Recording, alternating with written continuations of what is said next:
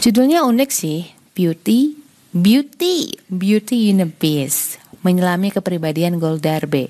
Temanku yang uh, aku share uh, sampul judulnya, eh, sampul judulnya, sampul bukunya tuh bertanya, kok judulnya gitu? Wak wak wak wak wak. ya biarin aja lah ya, suka-suka yang nulis. Sebenarnya gini nih, um, kenapa aku kasih judul Beauty in a Beast kayak seolah-olah kayak monster gitu ya? Kan gini, banyak orang yang salah sangka tentang karakter golongan darah B. Di awal tuh kayak dikira sombong, jutek, apalagi kalau udah diribetin, kalau udah marah, itu kadang kayak sampai ngumpat-ngumpat gitu loh. Ngeluarin kata-kata yang pedes banget. Padahal kalau udah kenal, udah tahu watak aslinya itu kita tahu nih kenapa di eh kenapa di kenapa sih dia sampai kayak gitu gitu loh ada keindahan batin yang banyak orang nggak sadari itu termasuk dirinya sendiri. Assalamualaikum warahmatullahi wabarakatuh. Hai, ini Ria. Kamu lagi ada di podcast Self Healing, podcastmu yang sedang belajar berdamai dengan luka melalui psikologi Islam. Nah, kalau kesalahpahaman ini tuh diterus-terusin, itu kayak bakal terjadi keributan. Minimal buat golongan darah B-nya sendiri itu kayak bingung jati dirinya tuh seperti apa gitu. Karena banyak yang curhat, terutama golongan darah B, itu mereka nggak ngerti sebenarnya apa sih yang mereka rasakan, sebenarnya apa sih yang mereka inginkan. Pengen banget move on, tapi kayak nggak bisa-bisa. Nah mungkin ya mungkin karena saking enjoynya menjalani kehidupan sampai ya udahlah let it flow gitu ya kayak ya udah sih jalanin aja gitu Terus ada yang nanya, bukannya semua orang tuh kayak gitu ya mbak? Nggak semua orang itu sama kayak kita Ojen. Banyak orang lain yang punya tujuan yang jelas dalam hidup. Bahkan dia punya target nih, usia sekian tuh ke mana, S2 di mana, terus masuk perusahaan apa di tahun segini, kayak gitu-gitu ada. Dan mereka berjuang keras untuk mencapai itu. Nah rata-rata golongan darah B itu akan nyeletuk komen lah nggak enak banget hidup kayak gitu ya kayak tersiksa gitu.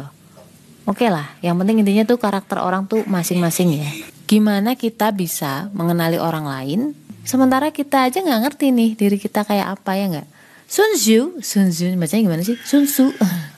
yang dia dikenal dengan uh, pakar strategi di zaman dulu 100 tahun yang lalu bilang kenali dirimu sendiri dan kenali pula musuhmu.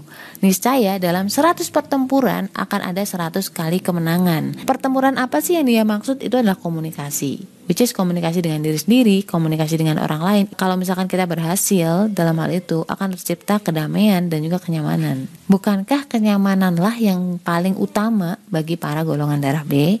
Nah Makanya teng teng teng akhirnya lahirlah buku Beauty in Abyss ini. Ada kata boleh jujur nih, di satu sisi aku tuh seneng sih, tapi di sisi lain aku juga takut. Takut nggak diterima. Wajar ya, namanya manusia. Seneng karena bisa mengalahkan kemalasan diri aku sendiri. Jadi kayak uh, bisa menyelesaikan apa yang aku mulai.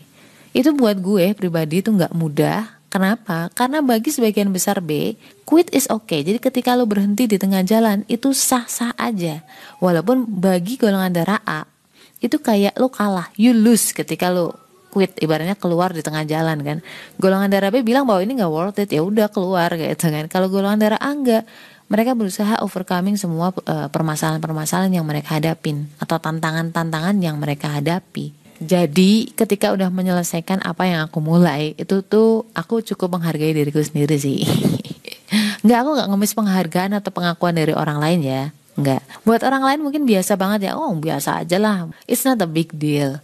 Jujur aja, tantangan terbesarku adalah memecah konsentrasi antara membuat buku di tengah ngurus dua krucils ini yang subhanallah itu gak mudah.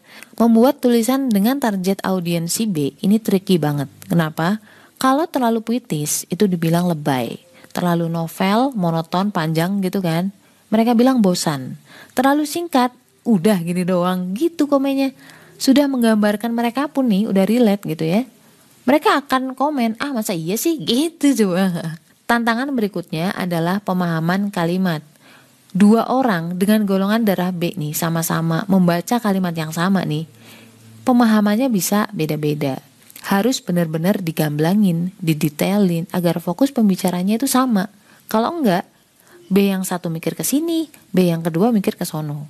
Buat kalian yang pengen naklukin diri sendiri atau pengen naklukin hati golongan darah B, wajib banget baca.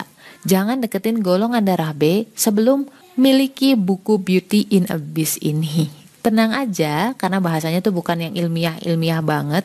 Ada cerita, ada narasi tapi nggak sepanjang novel-novel drama atau sastra. Cuman 25 ribu. Link pembelian terlampir nih. Ditunggu review dan masukannya karena uh, next insya Allah jujur aku ketagihan nulis. Aku bakal lanjutin dengan uh, chapter berikutnya riak-riak keributan pasangan golongan darah B dan juga golongan darah O. Pasti banyak banget yang suka nih. Stay love and assalamualaikum wabarakatuh.